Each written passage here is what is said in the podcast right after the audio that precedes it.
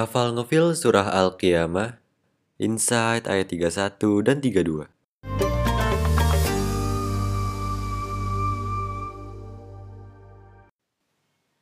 Di ayat sebelumnya, kita udah belajar kondisi orang kafir yang lagi sekaratul maut.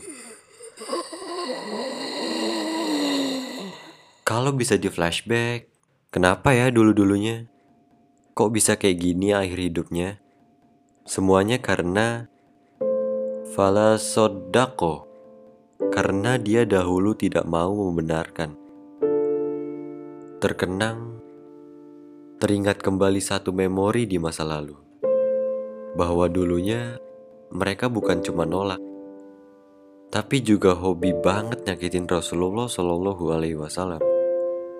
Ngebully dengan cara apa pun yang mereka bisa.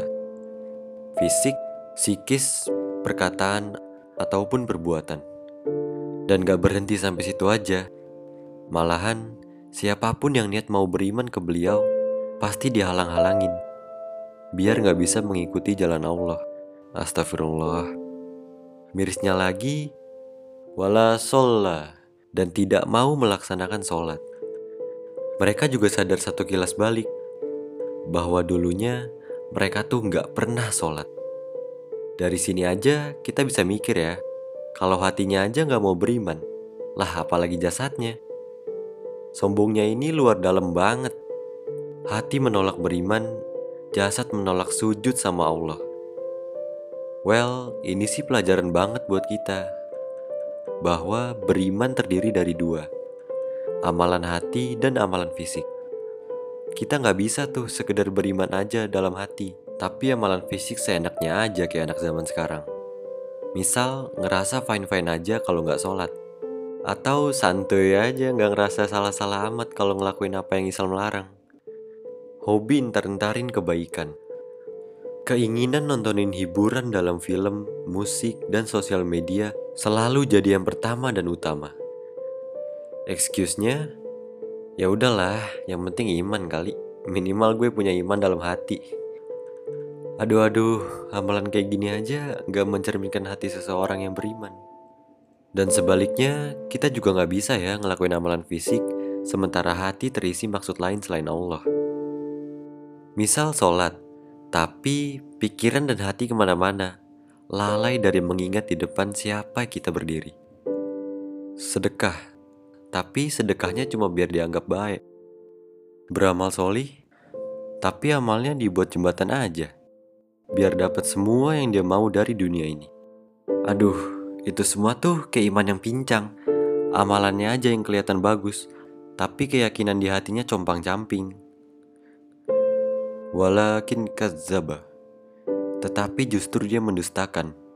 Watawalla dan berpaling. Wah, dua ayat ini saling berkaitan banget sama ayat sebelumnya. Sodako dengan kazaba, sola dengan tawalla kayak antonimnya gitu. Jadi, orang kafir bukannya sodako, membenarkan, malah kadzaba, mendustakan. Bukannya sholat, sholat, malah tawalla, berpaling. Tawalla tuh kayak melengos aja gitu, karena ego dan gengsi, nurutin nafsu. Dalam tafsir fi zilalil Quran, yang dimaksud dengan ayat ini ialah orang tertentu. Ada yang bilang orang tersebut Abu Jahal dan sejenisnya. Abu Jahal dan kawan-kawan ini kelakuannya lucu. Dia sering datang ke Rasul buat dengerin Al-Quran, tapi habis itu pergi. Meskipun mereka nikmatin bacaan Quran dan ngakuin keindahannya, mereka tetap nolak buat beriman. Mereka nggak mau hidupnya diatur-atur sama Quran. Mereka takut kehilangan dunia dengan mengimani Al-Quran. Inilah contoh keindahan Quran yang cuma sampai ke telinga, tapi nggak sampai ke hati. Hati mereka udah ketutup. Eh ya, berarti orang kafir kayak gini cuma karena nggak sholat doang ya? Soalnya di dua ayat ini cuma kesebut sholat. Oh enggak, bukan berarti poin yang disebutin tadi penyebabnya to itu aja. Di ayat itu emang kesebut sholat, tapi bukan berarti zakat, puasa, haji semua itu nggak termasuk. Allah itu kalau ngumpulin sesuatu sesuai tema. Kalau kita lihat-lihat, ayat 31 itu lebih ke teknis. Sedangkan ayat 32 lebih ke attitude, yaitu mendustakan dan berpaling.